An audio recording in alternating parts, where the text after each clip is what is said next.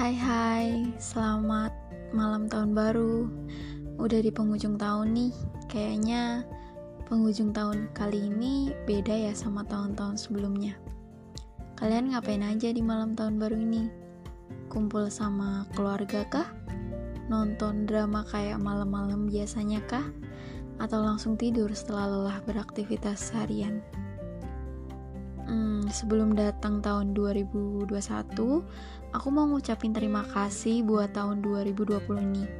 Karena di tahun 2020 aku banyak mencoba hal-hal baru, hobi baru, pola hidup baru, dan tentunya pengalaman baru.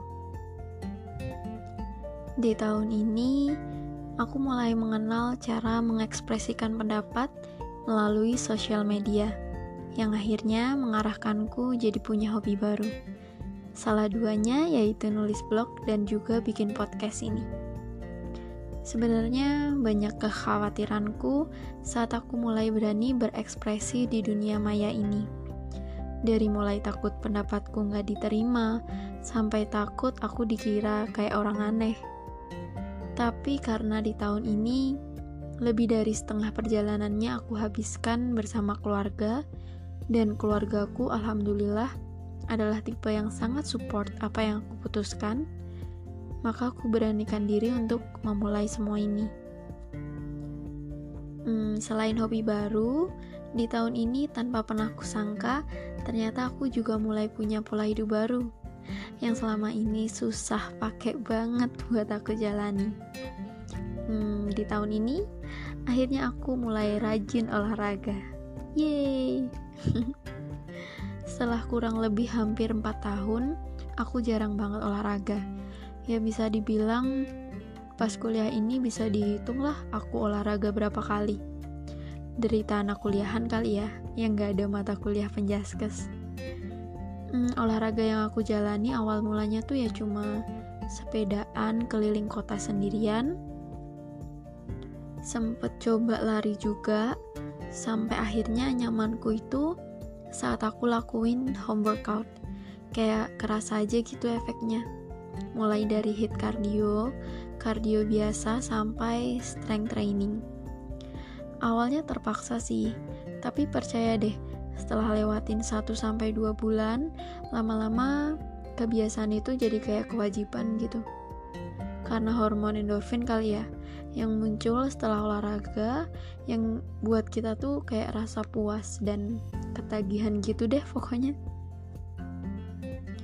Oh ya selain olahraga pastinya aku juga jadi atur pola makan. Yang tadinya nggak ngerti apa itu defisit kalori masih kena mitos makan malam bikin gendut. Terus kalau mau BB turun dikiranya tinggal makan dikit aja tanpa tahu komposisi makanan yang bener tuh kayak gimana.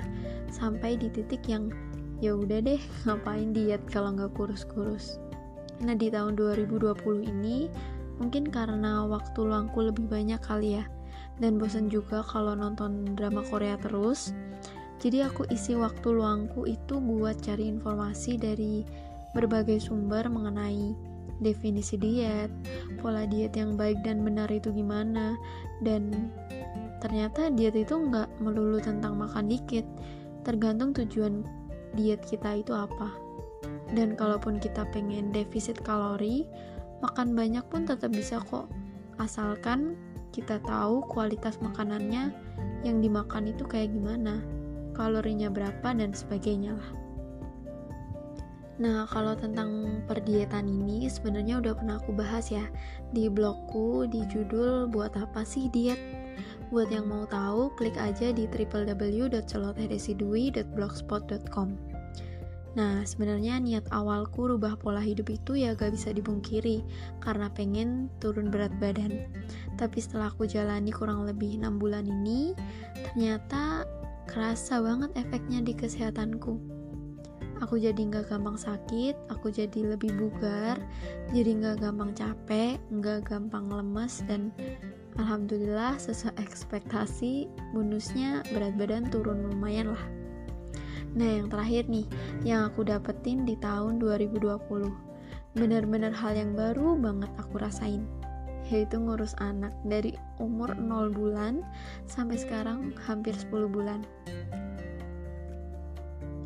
di situ aku benar-benar belajar sabar dan banyak bersyukur. Kenapa sabar? Karena ngurus bayi itu nggak semudah itu, bro. Mulai dari mandiin, nyebokin, ganti popok, kasih makan, diamin kalau lagi nangis, nidurin dan yang pasti bisa jadi teman main dia juga. Itu semua aku pelajarin di hampir 10 bulan ini dan masya Allah capeknya luar biasa. Ini aku baru tantenya loh ya belum orang tuanya.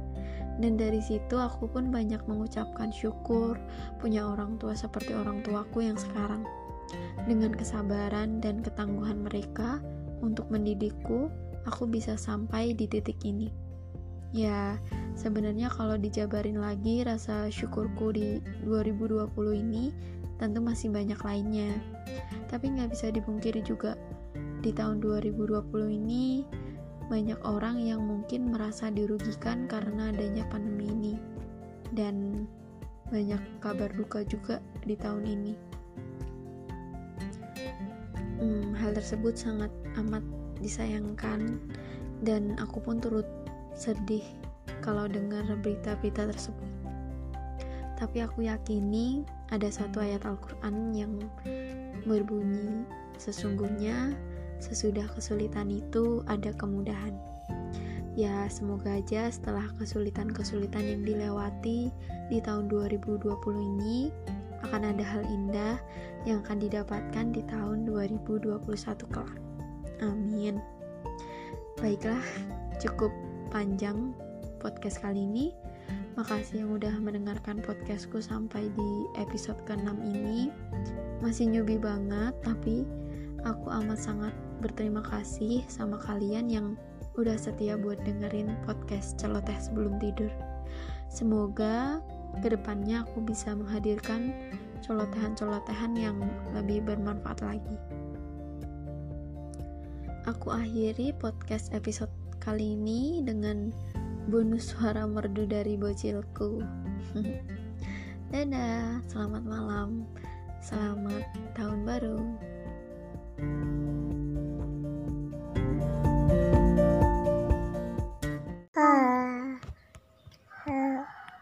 Bye.